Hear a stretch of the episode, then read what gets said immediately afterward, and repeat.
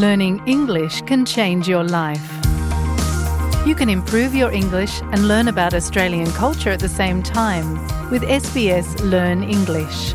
Listen wherever you get your podcasts. أنتم برفقة اس بي اس عربي 24 اكتشفوا المزيد من القصص العظيمة على sbs.com.au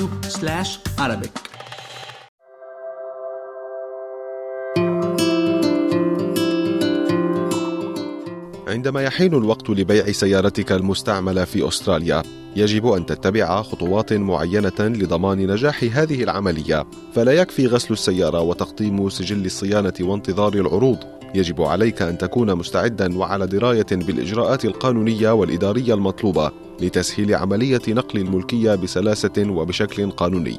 يجب أن تتعرف على الإجراءات القانونية والإدارية المطلوبة في ولايتك أو منطقتك. هذا أمر هام لأن قوانين بيع السيارات قد تختلف من ولاية لأخرى لذلك يفضل دائما التحقق من المتطلبات المحلية والمواد القانونية المعمول بها. حلقة جديدة من أستراليا بالعربي يقدمها لكم ريان برهوم. على الرغم من عدم وجود هيئة وطنية مخصصة لجمع بيانات مبيعات السيارات المستعملة في أستراليا، إلا أن التقديرات تشير إلى أن حجم سوق السيارات المستعملة يتجاوز ثلاثة أضعاف حجم سوق السيارات الجديدة في البلاد تقريبا.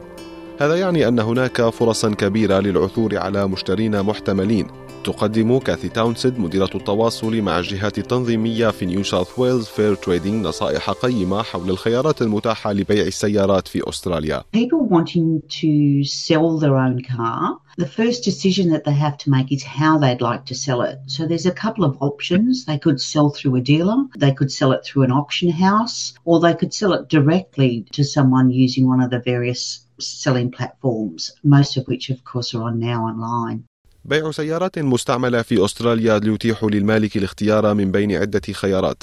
يمكن للأفراد النظر في البيع من خلال تاجر سيارات أو دار للمزاد والذين يساعدان في تبسيط العملية وتوفير الوقت والجهد. ومع ذلك قد يترتب على هذه الخيارات الحصول على سعر أقل من القيمة الفعلية للسيارة. بالنسبة للبيع من خلال وكالة سيارات يجب مراعاة التكاليف المرتبطة بها. حيث تهدف الوكالات عادة إلى تحقيق أرباح من الصفقة. بالمقابل دار المزاد يفرض عمولة تتراوح بين العشرة والخمسة عشر في المئة من سعر البيع وهو خيار يمكن أن يكون مفيدا إذا كنت تتوقع منافسة العديد من المشترين. أما إذا اخترت بيع السيارة بنفسك يجب أن توفر أوراق التسجيل لتسهيل عملية البيع وضمان الشفافية بين الأطراف. The buyer is going to want to verify the vehicle against the registration papers and they may even ask to verify that you are the actual owner. So ask for example your license to verify that. They'll also want to check the vehicle details. So they may want information such as the VIN or chassis numbers, which are available on the registration papers. And this is mainly so that they can do a check to see if there's any money owing on the car through the Personal Property and Securities Register.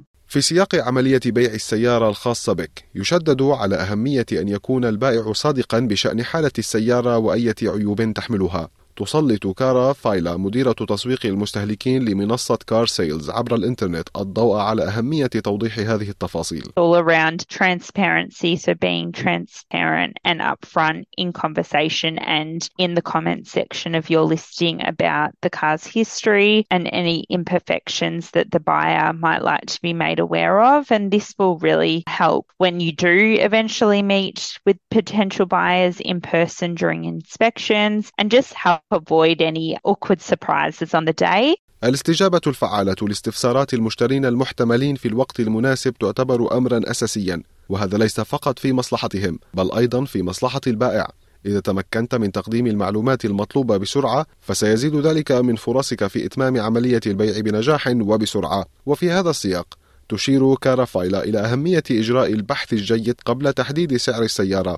فالتسعير الصحيح يلعب دورا كبيرا في تحديد مدى الاهتمام الذي ستجذبه من المشترين المحتملين. We know that buyers are very switched on. They do their research. So if you're serious about selling, try and price your car within the recommended range, which would be around that true market value to help you attract interest. The next tip is around negotiations. There are buyers that do like and enjoy the opportunity to negotiate the price. So it's always always worth considering this when setting your price. And if you can allow a little bit of wriggle room in your listing price to allow for negotiations. أليكس فورست المدير المختص في المركبات والوقود في نادي السيارات الملكي في غرب أستراليا يسلط الضوء على أهمية الصيانة الميكانيكية قبل بيع السيارة يقول إن القيام بأية إصلاحات ضرورية يمكن أن تؤثر بشكل كبير على السعر المطلوب للسيارة وتحسين فرصك في التفاوض مع المشترين المحتملين. Often you see that in advertisements as well. So you know the car's just been serviced, it's got new tires, and that's uh,